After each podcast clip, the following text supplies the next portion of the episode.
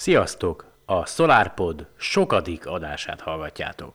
Azonnal el is kezdjük! Where did we come from?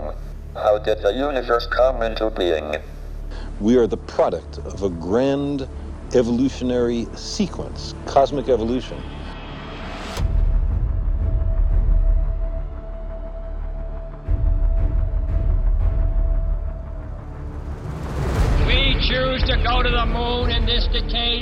Other things, not because they are easy, but because they are hard. Ignition sequence start. Six, five, four, three, two, one, zero. All engine running. Liftoff. We have a liftoff. 32 minutes past the hour. Liftoff on Apollo 11.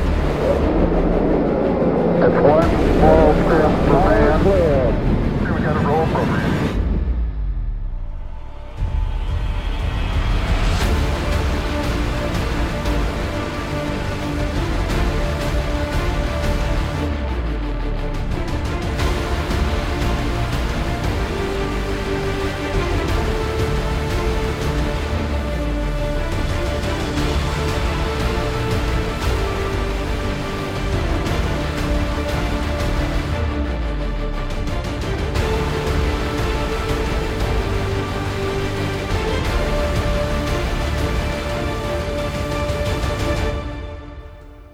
Sziasztok! Szeretettel köszöntök mindenkit ismét itt a SolarPodban.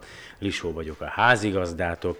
Ma 2016. november 29-e van, este 11 óra 30 perc, kristálytiszta égbolt, de a szél még mindig fúj. Én viszont kiraktam a legújabb szerzeményemet, vagy tobust, hogy hagy hűljön egy kicsit, mert szeretném megfigyelni majd az Orion ködöt. Két nappal ezelőtt is kint voltam a fél egy magasságába, és olyan gyönyörű volt, olyan csodálatos volt, annyira kristálytiszta volt az ég, hogy a hideg front, ugye a beáramló hideg levegő kifújta a, a dzsuvát, ugye, a port, meg a többit a, a légkörből, hogy egyszerűen, tehát ezzel a teleszkóppal is, ez egy tükrös Newton távcső, egy 100, 100 150 per 1200-as, gyönyörűen, kristálytisztán láttam magát a ködöt. Miről is lesz ma szó a podcastben? Őszintén szólva én sem tudom, de, de adósotok vagyok egy újabb adással, na jó, nem. Pont most olvastam este egy hírt, nem fogjátok elhinni, most már olyan mesterséges intelligenciával is kísérleteznek, ami, kérlek szépen, gyakorlatilag az arc az arcodból, az emberek arcából meg tudja határozni, hogy bűnöző alkat vagy-e vagy sem, tehát hogy fogsz-e esetleg elkövetni a közeljövőben valamilyen bűncselekményt, vagy netán követtél már el valamilyen bűncselekményt, esetleg egy kis ártatlan kis pofikád van, és te soha semmit nem fogsz csinálni az életben, ami, ami törvénysértő, és épp nézem, hogy ugye ennek azért tehát, hogy ez nem alaptalan egyébként ez a dolog, hogy az embernek az arcából, a tekintetéből meg lehet ám sok mindent állapítani. Ugye el, elméletileg Cézár Lombroso, legalábbis a cink szerint, egy a 19. század egyik kriminológusa, nek, a kriminulusának, a kriminol, na szóval értitek, neki volt egy elmélete, hogy néhány ember bűnözőnek születik, és gyakorlatilag ez az arcára van írva, tehát hogy különböző arcfonások jellemzik a, a bűnözőket, és a Cornell Egyetemnek a, a felmérése szerint vagyis hát inkább Cornell Egyetem pszichológusai szerint, az emberek általában elég jól meg tudják ítélni azt, hogy valaki bűnöző hajlam-e vagy sem, azáltal, hogy ránéznek az arcára. Hát akkor lehet, hogy ezért szoktak engem elkerülni, mikor kopaszra lenyírom magamat, és nincs hajam. Ha, ki tudja, lehet, hogy tényleg bűnöző vagyok. Na mindegy. A lényeg az, hogy a Shanghai Jiao Tong Egyetem fejlesztése volt ez a neurális hálózat, ez a mesterséges intelligencia, amely gyakorlatilag 89,5%-os hatékonysággal meg tudta különböztetni 1856 kínai emberből azt, hogy ki bűnöző, ki nem, vagy ki hajlamos arra, hogy hogy ugye valamilyen bűncselekményt elkövessen. A lényeg az, hogy az 1856 képből a fele az, az bűnöző volt, 90%-a a fényképeknek az arra lett használva, hogy gyakorlatilag edzék ezt a mesterséges intelligenciát, tehát hogy felismerje a, a különböző tulajdonságokat, és a maradék képből sikerült neki, vagy képekből sikerült neki majdnem 90%-os hatékonysággal meghatározni, hogy ki lesz bűnöző, vagy ki nem. Nem is tudom, hogy melyik volt az a film. Jó, az a Gattaka volt, azt hiszem már beszéltem róla, hogy ugye a, a születésedkor meghatározzák, hogy te így, úgy, amúgy, merre, hogy, meg milyen sikeres leszel, meg hogy meddig fogsz élni. Az azért hihetetlen. És akkor kicsit ne rettegjünk a mesterséges intelligenciától, egyébként a robotok az nagyon régóta már az életünk részei, és az újságárusoknál láttam néhány hete, vagy egy, nem is tudom, egy, egy magazint, az a címe, hogy Robotok. Én ezt meg is vettem, úgyhogy valószínűleg a műsor egyik felében majd ebből szeretnék nektek felolvasni, mert van egy olyan rész, hogy űrrobotok, tehát hogy az űrben milyen robotok vannak. Hát nem fedi le a teljes spektrumát az űrbe küldött robotoknak, viszont elég jó dolgokat megtudtam. Aztán van egy új projekt, az úgynevezett Project Blue, vagy Project, Project, mindegy, tök mindegy, a kék projekt, az a neve, hogyha az interneten rákerestek a projekt, projectblue.org oldalra, akkor egy angol nyelvű oldalra fogjátok magatok a szembe találni. Gyakorlatilag kutatók, illetve a Planetary Society, aminek én is tagja vagyok, önkéntes tagja, részben ez a podcast is egyébként, talán a Planetary Society-nek az egyik önkéntes tevékenysége, hogy a magam hülye módján megpróbálom népszerűsíteni a, a tudományt, a csillagászatot és az űrkutatást, de a lényeg az, hogy elindítottak egy ilyen projektet, és most, amelynek az a célja egyébként, hogy egy olyan teleszkópot építsenek, leginkább közönségi finanszírozás által, tehát közösségi finanszírozásból, tehát ugye az ember, van nagyon népszerűek, ugye, hát Magyarországon még nem annyira szerintem, de külföldön, tehát leginkább Amerikában nagyon népszerűek ezek a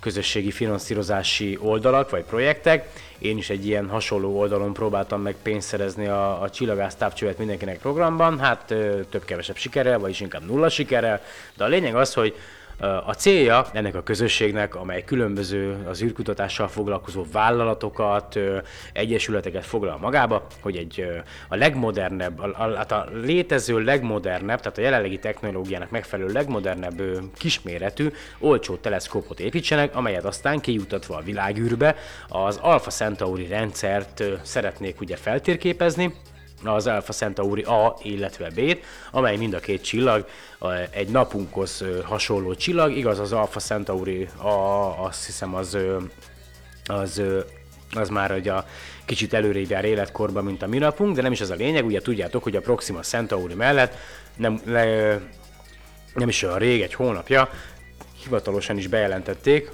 hogy egy a csillag lakhatósági zónáján belül kering egy, egy, egy bolygó, egy közelbolygó, amin elméletileg akár óceánok is lehetnek, tehát nemrég olvastam egy cikket, hogy akár egy vízi világ is lehet, de ennek a projektnek, a, a Project Blue-nak a célja az, hogy az Alpha Centauri az A és B csillagját térképezzék fel egy olyan technológiával, amelyel kiszűrnék a, a csillagok felénk irányuló fényét, és ezáltal lehetőségünk lenne ugye megvizsgálni azt, hogy a csillagok körül a lakhatósági zónán belül keringenek-e esetleg bolygók.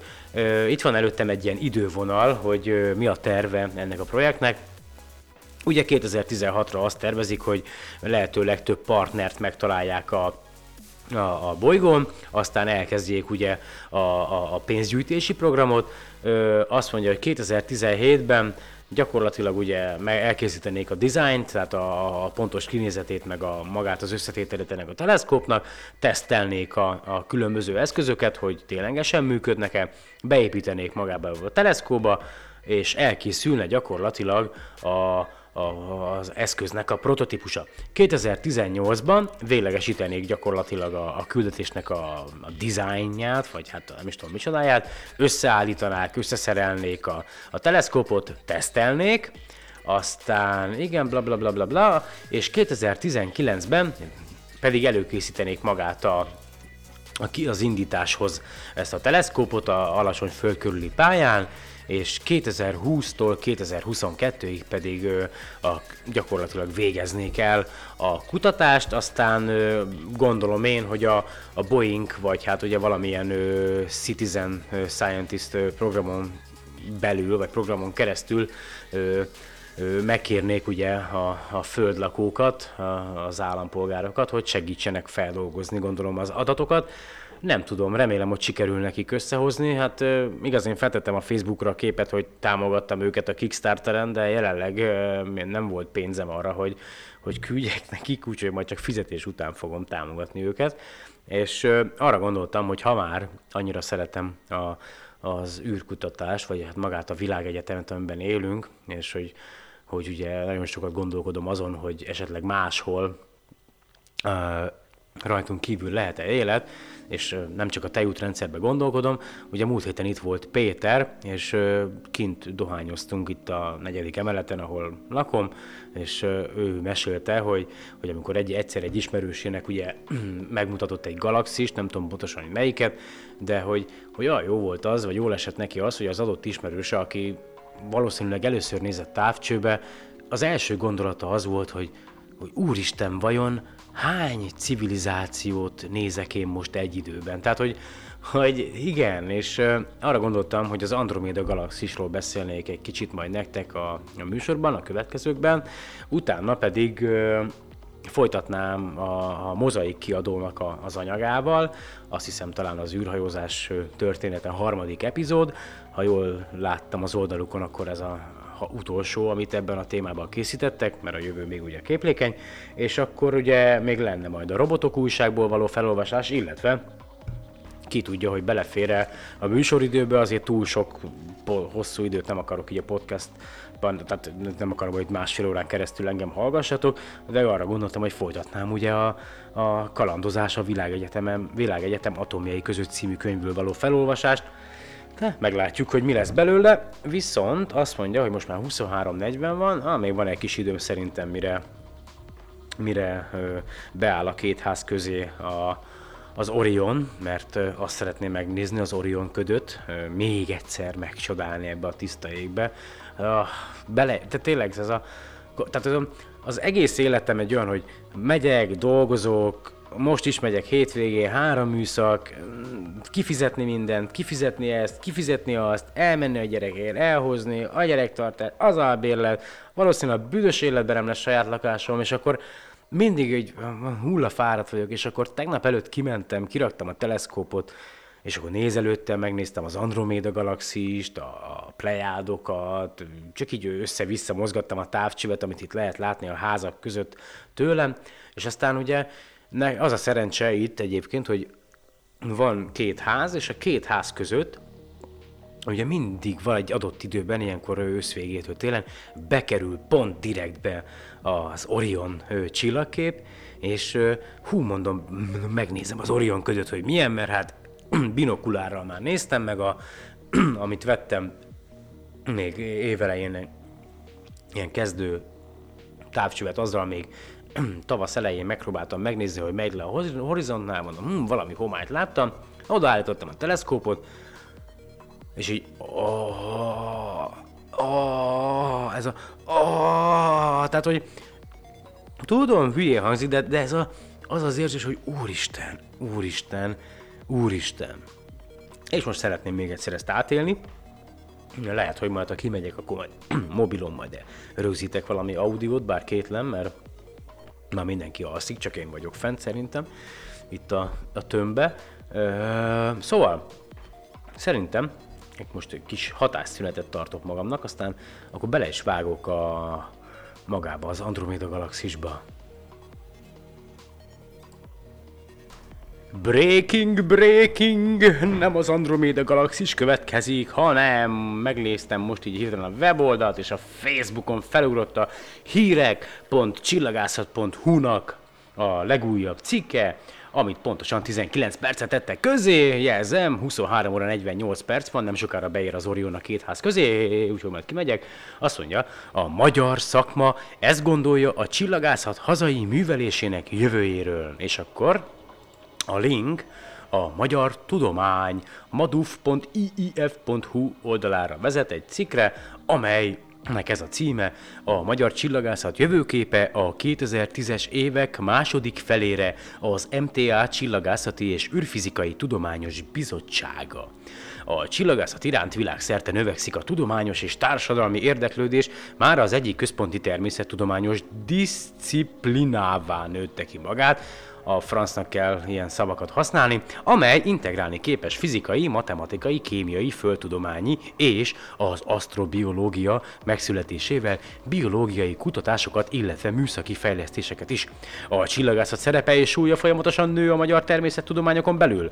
Magyarországi kutatóhelyeken összesen közel 100 főállású kutató és hasonló számú egyetemi hallgató, a doktoranduszokat is beleértve végez csillagászati kutatómunkát. Ez a szám arányában elmarad a legtöbb nyugat-európai ország csillagászati közösségének létszámától, a magyar kutatók azonban számarányukat meghaladóan sikeresek a nemzetközi kutatásokban. A csillagászat eredményessége az elmúlt években a rugalmas megújulás és témaváltás, a nagy nemzetközi kutatásokba való bekapcsolódás és az űrtávcsövek intenzív használata következtében rohamos tempóban nőni kezdett. A hasonló lendületű további fejlődés fontos feltételei a hazai távcsőpark megújítása és a nemzetközi együttműködésben való részvétel megerősítése. Rizsa, rizsa, rizsa, rizsa. Ezt most megmondom előre. Hazánkban a legnagyobb csillagászati teleszkópok az MTA Csillagászati és Földtudományi Kutatóközpont Konkoly Tege Miklós Csillagászati Intézete, MTA CFK, CI Piszkéstetői Obszervatóriumában vannak. Ez a megfigyelő állomás a Nemzeti Obszervatórium szerepét is betölti. A hazai csillagászok rendszeresen pályáznak és nyernek el észlelési időt az ott üzemelő valamelyik távcsőre. A piszkéstetői 69 per szá- 90 per 180 cm-es Schmidt távcső kategóriájában a világ egyik legnagyobb műszere, ami a jelenleg igen időszerű, sok objektumos mérésekre használható. A távcső automatizálva van, távészlelésre alkalmas, az 1 méteres RCC távcső is automatizált, detektorként egy új CCD kamera és egy SL spektrográf is szerelhető rá az utóbbi évek infrastruktúra pályázatainak eredményeként. Az exobolygók radiál sebesség mérésétől kezdve sok más észlelési programra alkalmas a CCD kamerával a Lucky bla bla bla bla bla bla bla bla bla. A kisebb távcsövekkel lehetséges a már régebben elkezdett mérések folytatása, ami elengedhetetlen a csillagok bármilyen hosszú távú változásainak kimutatására. A fényes csillagok nem figyelhetők meg a nagy vagy óriás távcsövekkel, obszervatóriumunk távcsövei saját, jól megválasztott programok végrehajtása mellett kiegészítő mérésekre is alkalmasak. Jó, oké, oké. Uh-huh, aha, tehát oké, okay, jó, ezt nem fogom felolvasni, majd elolvasom, ha lesz kedvem, rizsa, rizsa, rizsa. Tehát leírják, hogy ez van, az van, mi vagyunk, meg így, meg úgy, meg majd ez lesz a terv, meg az lesz a terv, de basszus, te, bocsánat, már megint káromkodok. Öreg, az embereknek úgy kéne osztogatni a csillagász távcsövet, meg az ismeretterjesztő anyagot, mint a cukrot, de nem, Rohadt sok pénzt elkérnek érte. Azt akarjátok, hogy népszerű legyen a csillagászat? Adjatok a szarság helyett olyan műsort. Azt akarjátok, hogy az emberek foglalkozzanak a tudományal? Tegyétek mindenki számára napi cikké, elérhetővé, karnyújtásina tőle. Ja, és nem mellesleg, beszéljetek úgy az emberekhez, hogy a legegyszerűbb halandó is megértse, ne a magas lóról. Oké? Okay? Na jó, befejeztem. Térjünk vissza az Andromeda galaxisra. Bocs, most csak egy ilyen kikelés volt, mert a rizsa, a rizsa az nagyon megy. Tehát a, így, meg úgy, meg amúgy. Mi, néhány ember, meg én, kevesebb, mint két hónap alatt hét embernek adtunk csillagász távcsövet, tehát az azt jelenti, hogy hét család, és hogyha vannak barátai, vagy akármi, akkor még több ember, akinek lehetősége nyílik arra, hogy belenézhessen egy teleszkópba. De csak a rizsa, a rizsa, a rizsa, a rizsa. Fizes be a tagdíjat, fizes be a tagdíjat, fizes be a tagdíjat, fizes be a tagdíjat. Aztán esetleg eljöhetsz hozzánk. Rizsa, na mindegy. Szóval, hol is tartottam? Ja, Andromeda Galaxis, várjatok, átszellemülök, na aztán meg kimegyek. Tehát, ö, ugye az Andromeda Galaxis a, a leges legfényesebb Messier objektum egyébként. Most jelen pillanatban így ősz vége felé, a télhez közeledtén, most ebben az időben, hát vagy inkább egy kicsit korábban, ugye a zenitben tartózkodik. A zenit az innen a Földről nézve az ég, égnek a legmagasabb pontja. És maga az Andromeda galaxis az kevésbé fényszennyezett helyekről szabad szemmel is látható. Na most nem a teljes Andromeda galaxis, hanem a a belső ö, csillagokban sűrűbb ö, régiója, mert maga az Andromeda galaxis, hogyha innen a Földről néznénk, akkor durván hat telihold ö, széles. Tehát, hogyha hat teliholdat egymás mellé raknánk, a szuperholdat egymás mellé raknánk, akkor, akkor ugye körülbelül innen a Földről nézve olyan széles lenne az Andromeda galaxis, ha lehetne látni szabad szemmel, de nem lehet. Viszont innen fényszennyezett helyekről Budapestről, vagy más nagyobb városokból, vagy kisvárosokból, akár egy egyszerű kis távcsővel, egy binokulárral is lehet látni, egy ilyen homályos cigifüstnek ö, tűnik, vagy látszik. Én a kis távcsövemmel tegnap, én tényleg láttam, vagy tegnap előtt, bocsánat, mikor kim voltam ezzel a kis binokulárral, az ilyen kis vadásztávcsővel, egy tízszeres nagyítással már lehetett látni azt a homályos foltot innen a belvárosból, úgyhogy ha tényleg szép az idő, tiszta az idő, és nincs benne por, és kifújja a, a szél a kósz nagy részét, a, és nincs ugye telihold, tehát hol, hol tölte van, akkor nagyon szépen lehet látni még innen a városból is ö, távcsövekkel, sőt, aki asztrofotózik, gyönyörű szép fényképeket szoktak készíteni magáról az Andromeda galaxisról. Mit kell róla tudni? Hmm, azt, hogy ha most belenézel a távcsőbe, és látod az Andromeda galaxist, akkor azt látod, hogy milyen volt az Andromeda galaxis 2,54 század millió évvel ezelőtt. Tehát gyakorlatilag 2,54 század millió fényévnyire van ö, tőlünk ö, maga az Andromeda galaxis, és ö, én is nemrég egyébként néhány hónapja tudom azt, hogy, hogy mi, a, a, a tejútrendszer, az Andromeda galaxis, meg a Triangulum, meg sok apróbb más törpe galaxis, egy úgynevezett local group, egy helyi galaxis csoportnak a, a tagjai vagyunk, legalábbis a mi szemszögünkből nézve, tehát a, az emberek szerint, amit mi létrehoztunk, ugye van egy ilyen helyi, helyi galaxis csoport, ennek egy a durván 54-nél is több galaxis a, a tagja, ezek közül a leginkább a legtöbb az ilyen törpe galaxis, de a Triangulum galaxis, illetve az Andromeda és a tejútrendszer, ezek a legnagyobb galaxisok ebben a a lokál groupban, vagy miről beszélünk, és eh, ennek a lokál groupnak, vagy helyi csoportnak, a galaxis csoportnak az átmérője, vagy a területe, vagy hogy nem is tudom, egy gömböt nézünk, az körülbelül 10 millió fényév. És ö, ugye a, hát nem is tudom, ugye nagyon sokáig, hát most itt olvastam, ugye, mert, mert épp azt néztem egyébként, hogy a, a, a magyar, magyar nyelven, hogyha keresel valamit az Andromeda galaxisról, tehát a- ötöd annyi információ van meg, mint, mint mondjuk angolul, és hát, hogy nézzük magunkat, az emberiséget, hogy ugye mi, mi hogyan látjuk, és a, a legkorábbi feljegyzések egyébként Krisztus előtt 964-ből ö, vannak a, magáról az Andromeda galaxisról, természetesen akkor még nem így hívták, ugyebár, hanem kicsi felhő, kicsi felhőként szerepel egy Abd al-Rahman al-Sufi perzsa csillagász könyvében vagy leíratában. Aztán ö, azt mondja, hogy az első teleszkóppal való megfigyelés az 1612-ben történt Simon Marius által, és igazából vele függetlenül, tehát anélkül, hogy tudtak volna egymásról, még két másik csillagász is megfigyelte, elméletileg Giovanni Sufis and Marius, igen, Sufis és Marius, Al Sufis és Marius, és ja nem, az, az Marius volt, na mindegy. Szóval a lényeg az, hogy még, ö, még Batti, mi ez? Giovanni Battista Hoderna is felfedezte 1654-ben, és akkor Edmund Haley, ugye, akiről a, aki amúgy nem a Haley üstökös fedezte fel, de róla nevezték el a, a, az üstököst, 1716-ban az egyik leíratában egy francia csillagászhoz köti a, az M31-es vagy Andromeda galaxis felfedezését, Ismail Bollad. Na, Ismail, szép kis francia név, nem?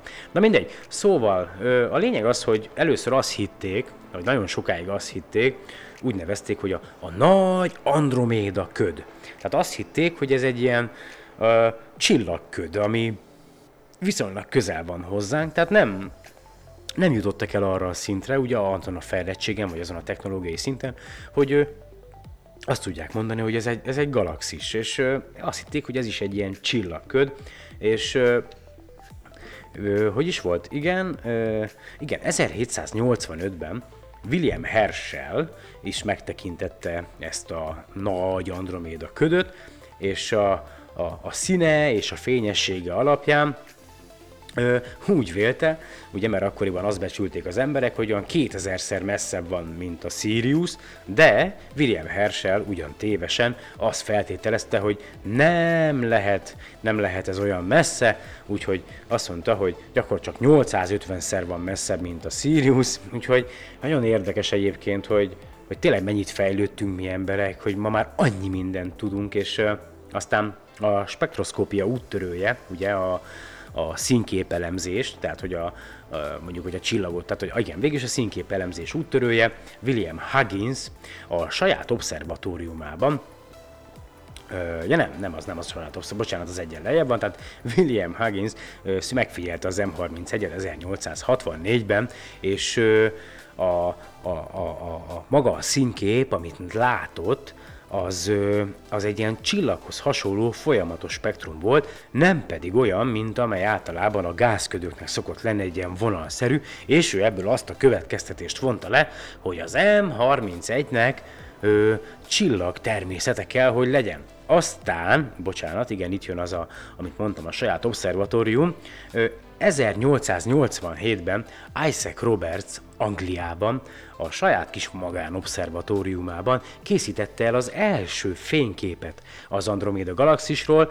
és ezen a fényképen, amely hosszú záridővel készült, ugye nagyon sokáig gyűjtötte magába a fényt, már láthatóak voltak magának a galaxisnak a, a spirál karjai, de tévesen sajnok, sajnos kedves Isaac Roberts úr azt feltételezte 1887-ben, hogy ez egy keletkező kialakulóban lévő naprendszer és a, a társgalaxisok, amelyek az Andromeda galaxis körül ö, keringenek, vagy vannak, ezek pedig a bolygócsírák. Nagyon érdekes, nem?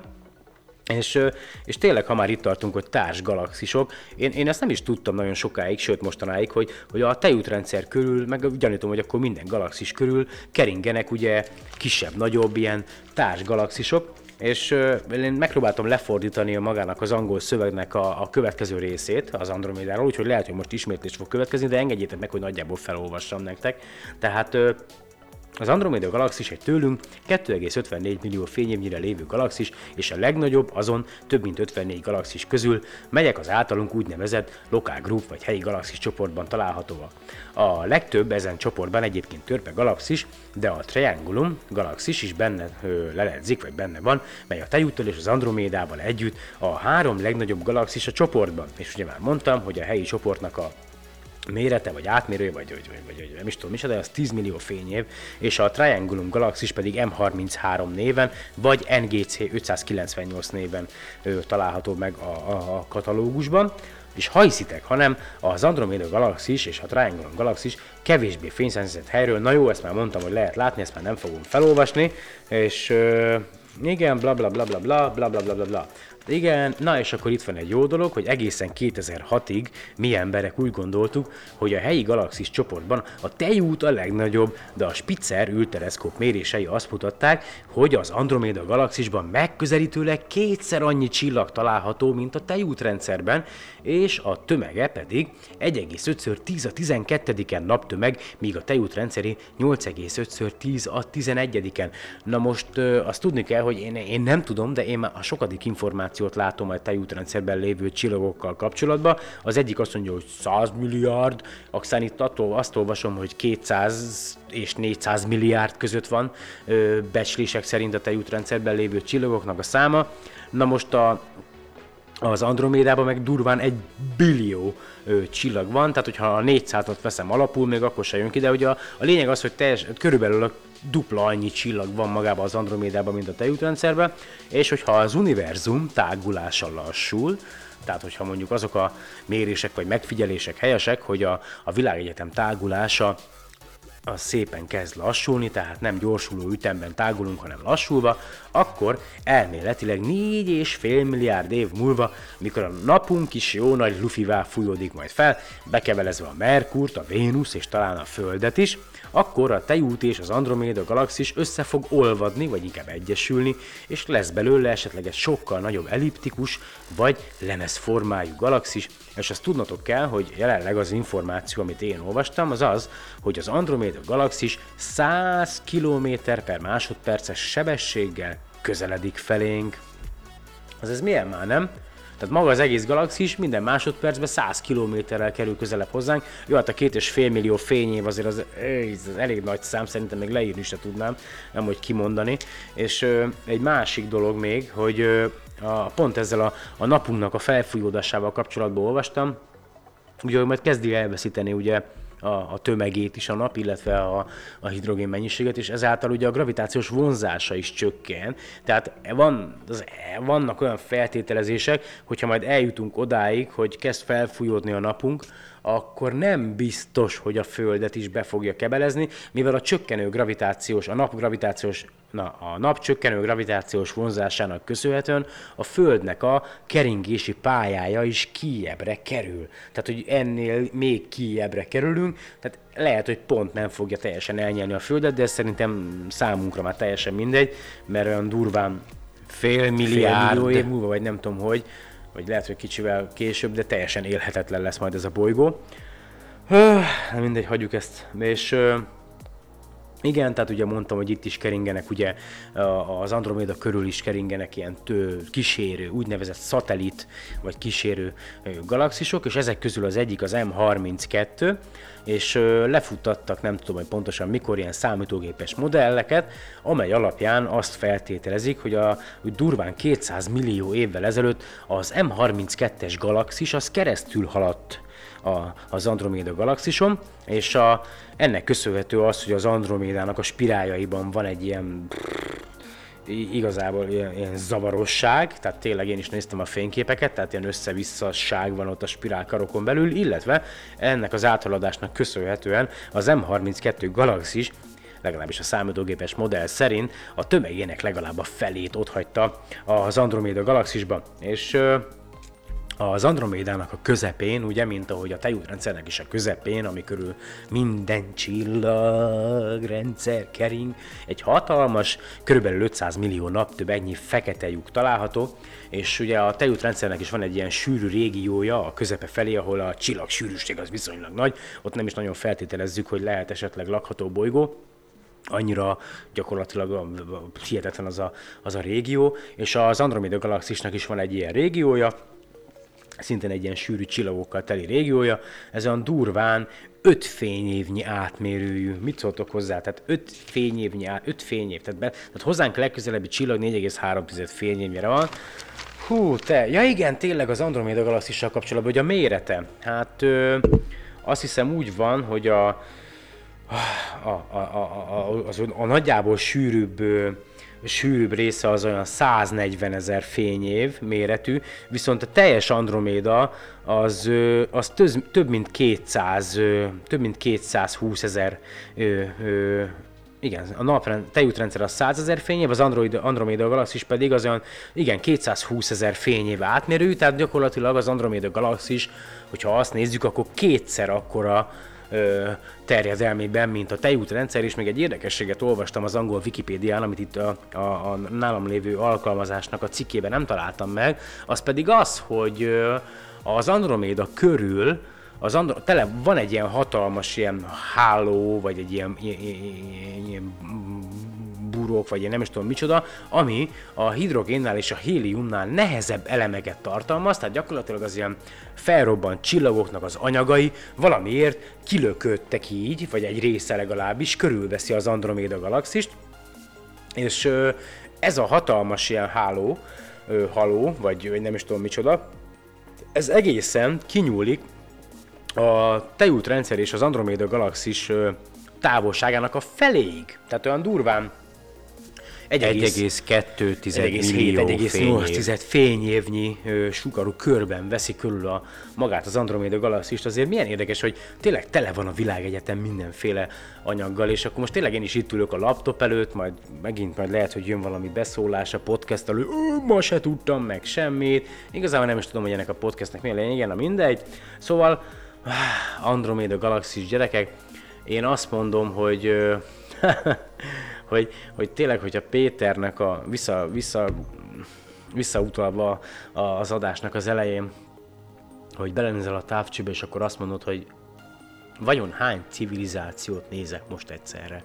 Nézzétek, ezek az anyagok, amelyekből te, mindenki más és én is vagyunk, ezek itt vannak a világegyetemben, világegyetemben adottak, ö, ö, tényleg, szóval bárhol, bármikor előfordulhat az élet. Nem mondom, hogy olyan, mint a miénk, lehet, hogy egyszerűbb, sokkal egyszerűbb, de az is lehet, hogy ezerszer és ezerszer fejlettebb, mint amilyennek te és én vagyok. Itt most vége van a zenének, akkor lehet, hogy itt kéne most majd bevágnom a, a, a, a mozaik kiadónak a, az anyagát, a, a, az űrhajózás története harmadik részét, és aztán szerintem lehet vagy bejelentkezek kintről, vagy nem, de aztán folytatom a, a, vagy a robotokkal, vagy pedig a, a világegyetem atomjaival.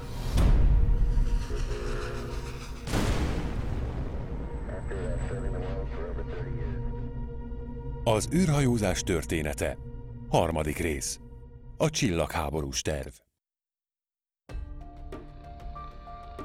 A Hold program befejezését követően a NASA, illetve magát az űrhivatalt finanszírozó kormány jól kommunikálható sikersztorikba gondolkodott.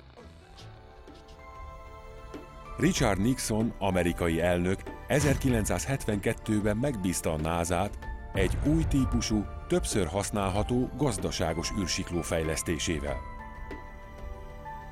Miután a Szovjetunió a Hold versenyt elvesztette, egy Hold bázis tervében gondolkodtak, csak hogy túlszárnyalják Amerikát. Az óriási költségek miatt a terveket leállították, de a versengés folytatódott. Az amerikai űrsikló fejlesztése a sajtó bevonásával a nyilvánosság előtt zajlott. A hír hallatán a szovjet oldalon megijedtek, ezért ők is rohamos léptekben kezdtek bele az űrsikló fejlesztésbe. Ugyan nagy szükségük nem volt rá, de tudták, ha az amerikaiaknak van űrsiklójuk, az veszélyes lehet. Az orosz másolat túl jól sikerült. Egyesek ipari kémkedésre gyanakodtak. Még az amerikaiak összesen 135 küldetést hajtottak végre űrsiklóval, addig az oroszok mindössze egyet, az is csak egy ember nélküli próbarepülés volt. A hidegháborús űrverseny csak látszólag fejeződött be, a valóságban azonban folytatódott és még nagyobb méreteket öltött. Az 1980-as évek elejére mind a Szovjetunió, mind az Egyesült Államok hatalmas mennyiségű atomfegyvert halmozott fel a saját maga védelmére, és a másik fél teljes elpusztítására. A két hatalom tisztában volt a kölcsönös megsemmisítés teóriájával. Ha az egyik fél atomtámadást mér a másik oldalra, a támadó fél is megsemmisül, hiszen azonnal válaszcsapás érkezik. Ronald Reagan amerikai elnök 1983-ban meghirdette az SDI-t, ismertebb nevén a csillagháborús tervet. Beszédében a Szovjetuniót a gonosz birodalmának minősítette, amelynek atomtölteteit még az űrben meg kell semmisíteni. A hidegháborús helyzet egyre csak fokozódott. A csillagháborús terv hatására mindkét fél csillagászati összegeket költött az űrfegyverkezésre. Az erőltetett hadipari fejlesztések felgyorsították az amúgy is a gazdasági összeomlás felé közelítő Szovjetunió szétesését. 1991-ben a Szovjetunió felbomlott, és ezzel a hidegháború is véget ért. Az évtizedekig tartó erőltetett űrversenyben a tesztek során jó néhány űrhajós az életét vesztette, azonban az űrben ez idáig egyetlen ember sem halt meg.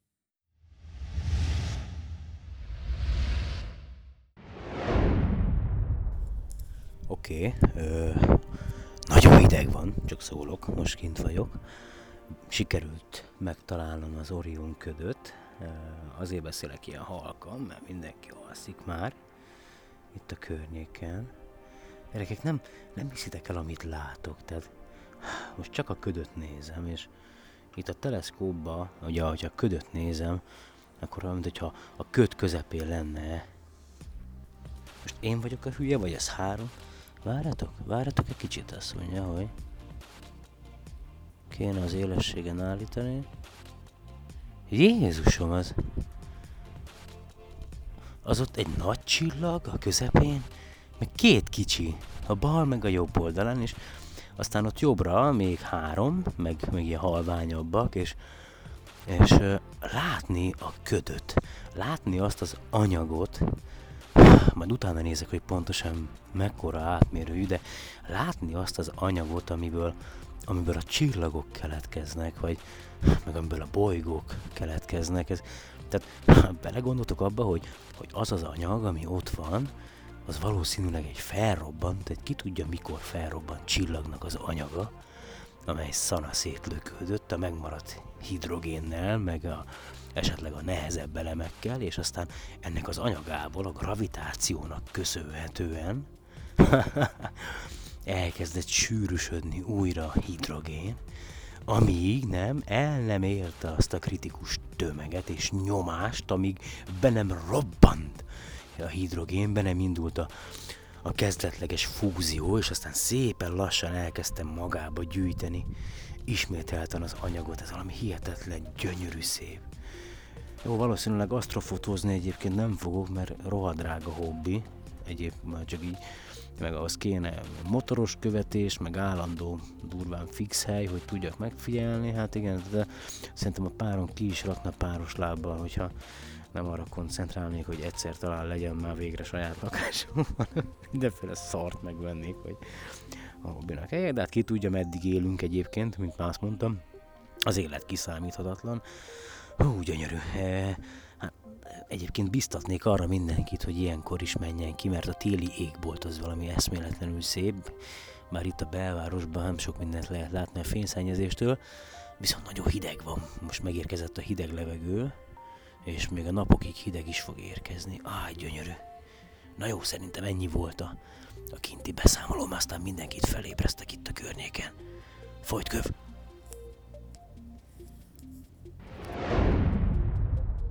Ja, és igen, aztán még jobban megnéztem egyébként, és az ott négy csillag egy ilyen kis pontban, legalábbis amit ezen a nagyításon láttam, egy ilyen 40-szeres, 50-szeres nagyításon, marha jó, marha jó.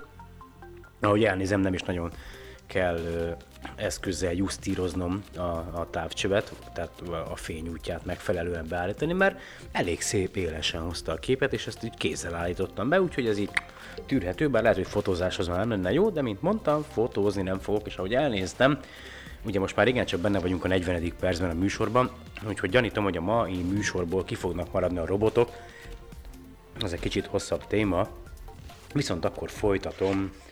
Ö...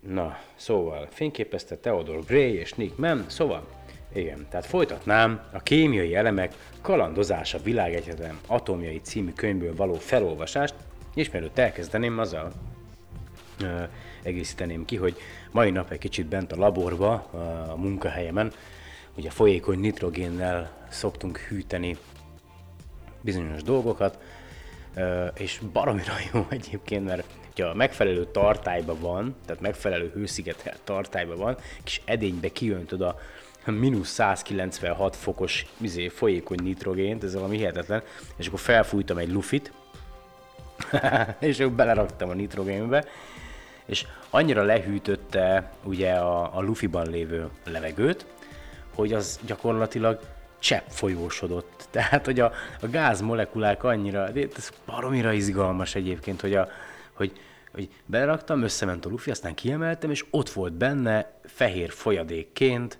a mindenféle akármi, amit én belefújtam, és aztán elkezdett forni ismételten, a, ahogy kezdett melegedni a, a benne lévő levegő, nitrogén, akármi, széndiokszid, és wow, egy hirtelen visszatágult a lofi. Na de, akkor következzen a következő elemünk a sorban. Ugye legutóbb a klórral hagytam abba, elméletileg, és most jön az argon. Argon. Görög eredetű a név, és annyit jelent tétlen. szent igaz, az argon lusta gáz, ahogy csak, ahol csak használják, az a legfontosabb szempont, hogy a közömbös gázok közül a legolcsóbb. A nitrogén ugyan még az argonnál is olcsóbb, és sok tekintetben kellőképpen közömbös, de magas hőmérsékleten megtörik a büszkesége, hajlamos reakcióba lépni. Az argon viszont megveszekedetten gőgös, nem bonyolódik vegyi viszonyba, kiszámít, vagy leszámítva néhány ritka esetet, amikor erősen bomlékony, pusztán elméleti jelentőségű vegyületet alkot. Igen, az argon, ez most egy saját gondolat, ugye nálunk is, amikor olyan olyan környezet kellett egy adott gyártásnak, hogy oxigén egyáltalán nem lehetett benne, akkor argont használtunk, mert az argon az ugye nehezebb a nitrogénnél, oxigénnél is, és szépen kitolta maga előtt a, a, a, molekulákat, és aztán ugye lecsökkent egy nagyon-nagyon minimális szintre az oxigén mennyisége, és akkor tudtunk gyakorlatilag teljesen inerten, oxigénmentesen dolgozni. Ö, első, na, szóval most folytatnám a könyvet. Első izzóiban Edison még vákummal védte a fémszálat, a mai Wolfram izzókat viszont már nitrogén-argon gázkeverékkel töltik föl, csak nem külső légnyomásnyi értékre, hogy minél vékonyabb lehessen az izzó üvegbúrájának fala. Hogy bonyolultabb legyen a kép, a kisebb izzókba kripton 36, xenon 54, ezek a, ugye a rendszámok, tömegszám, mindegy, és vagy halogének keverékét töltik, mert ezekben a gázokban jobban izzik a wolfram szál, több fényt ad az izzó. Akinek kedve szottyan, boltban is vehet argongázt kis fémtartályban, igen népszerű ugyanis ez a dacos gáz a borászok, borisszák körében. Argon réteggel védik a fölnyitott palac tartalmát, nehogy megromoljon a drága nedű. Nem értem a gondjukat, igyák meg gyorsan azt a bort, akkor nem romolhat meg. Meglepő módon tömérdek argon van a levegőben, csak nem egy súlyszázaléknyi, ezért számít viszonylag olcsó gáznak. Az ipari folyékony oxigént és a nitrogént hozzá a folyamat melléktermékeként argongázt is óriási mennyiségben állít elő. Következzenek most újra földhöz ragadtabb elemek, elsőként a kálium és vele a radioaktív banán. Hú, ez marha jó. Na jó, szóval kálium. Igen, radioaktív banán. Jó kis szalagcím lenne belőle, ha egy újságíró beleásna magát a témába. Tény ugyanis, hogy szinte minden, amit megeszünk, többé-kevésbé radioaktív. A banán inkább többé, mint kevésbé, ugyanis sok káliumot tartalmaz, a világ kálium atomjainak egy tízezeléke pedig radioaktív K40-es izotóp. Nap mint nap ér bennünket természetes eredetű radioaktív hatás, ennek egyik jelentős forrása a kálium.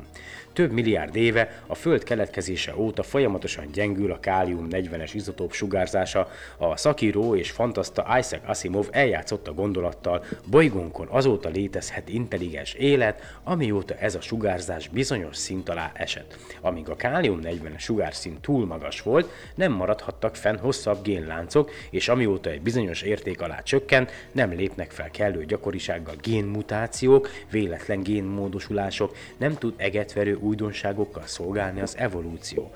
Mindez menő spekuláció persze, de azért fura belegondolni, ha nincs radio, radioaktív sugárzás, nincs elég mutáció, nem lennénk ma itt, hogy mindezen spekulálhassunk. Akár radioaktív, akár nem, a kálium egyike az alkálifémeknek, és mint ilyen pompás dolgokat művel, ha vízbe dobják, reakció képesebb, mint a nátrium, így még látványosabb ibolyaszín lángot vet abban a minutában, amikor vízéri, és hozzá pazarrobbanást is produkál. Testünkben is nagy dolgokat visz végbe a kálium, pontosabban a kálium-ion. Főszereplője az idegek ingerületvezetési folyamatainak, ha túl kevés van belőle, megmerevednek az ember ujjai, a súlyos kálium hiánynak pedig szívmegállás, halál lehet a vége. Amennyiben nincs kéznél megfelelő gyógyszer, kálium hiány esetén banánt kell enni rengeteget. A kálium e szerint működésben tartja belvilágunkat, közeli rokona a kálcium pedig emberformát ad nekünk. És akkor még a kálcium. A legtöbbünknek fehér, porló anyag vagy sűrű, teljes, messzes folyadék jut az eszébe erre a szóra, mármint a kálciumra. Vagy a kálciumkarbonát építette mészkő sziklák Dovernél, vagy a táblakréta, amelyből már nagyon sokféle készül, elsősorban kálcium szulfátból, polgári nevén gipszből. Mészkő, krétapor, tej, mindegyikben van kálcium, maga a tiszta, fényes fémkálcium. Valamelyest hasonlít az alumíniumhoz, ebben a formában azonban ritkán találkozhatunk vele, ugyanis nagy kedvel reagál a levegő összetevőivel, kálciumhidroxiddá és kálciumkarbonáttá alakul, Csodák csodája, mindkét vegyületre fehér és mészszerű. Vízzel, savakkal a kálcium hidrogéngáz felszabadulása közben lév reakcióba, akár csak az alkáli fémek, de nem olyan vadul és vehemensen, így az iparnak is megfelel segédanyagként, ha a kisebb mennyiségben kell előállítani a hidrogént. Unos untalan hallhatjuk, a kálcium erősíti csontjainkat, így igaz, vázrendszerünk elengedhetetlen anyaga a kálcium, az emlősök csontjainak kálciumfoszfát, pontosabban merev, hidroxiapatit hab ad szerkezetet. Csontot tulajdonképpen másból is lehetne építeni, lásd a szilikonnál írtakat. Ugye beszéltem a, igen, a szilikonnal kapcsolatban, hogy és sok mindenre képes, de hát ez egy korábbi adásban volt. A sejtek biokémiai folyamataiban viszont létfontosságú a kálcium. Folyton kibejárkál a sejthártyán, át az ideg és az izomsejtek működésében pedig egyenesen főszerepet játszik. Olyan fontossá tette magát a kálcium, hogy amikor valamiért túl kevés van belőle, szervezetünk inkább a csontokból vonja ki, csak ne csökkenjen a vérkálcium szintje. Egy bátor elmélet szerint a csontokat eredetileg e fajta vészhelyzetekre kálcium raktárnak épített építette az evolúció, csak később derült ki, hogy szerkezetalkotó, szilárdító szerepben is megállják a helyüket. Mindezek folytán a kálcium is olyan elem, amelyből tetemes mennyiséget igényel az élet, más elemekből, például az enzim alkatrészként fontos szelénből már sokkal kevesebbet kell az életfolyamatokhoz, vagy sokkal kevesebb kell az életfolyamatokhoz. De olyan elemek is léteznek, amelyekre az égvilágon semmi szükségünk a földieknek. Ezek egyike a skandium, de valószínűleg ez már csak egy következő adásban lesz, így most már az 50. percnél. A legközelebbi műsorra szerintem akkor majd következnek a robotok, vagy legalábbis az űrrobotok, abból egy kis rész, aztán még ki tudja, hogy mi lesz, remélhetőleg majd Péterrel is újra fogunk tudni beszélgetni a, ugye a következő témánk, azt beszéltük meg, hogy talán az lesz, hogy a, a Földön kívüli élet, hogy egyáltalán hol, merre, miként, milyen módon alakulhatott ki. Úgyhogy köszönöm nektek a mai napra a figyelmet, most már lassan belemegyünk a decemberbe, ismét megtett, ha, ez jó, megtett egy kört a Föld a nap körül, vagy nem sokára meg fog tenni megint egy teljes kört, úgyhogy tök jó, most már lassan 37-szer megkerülte velem a napot, hatalmas mi.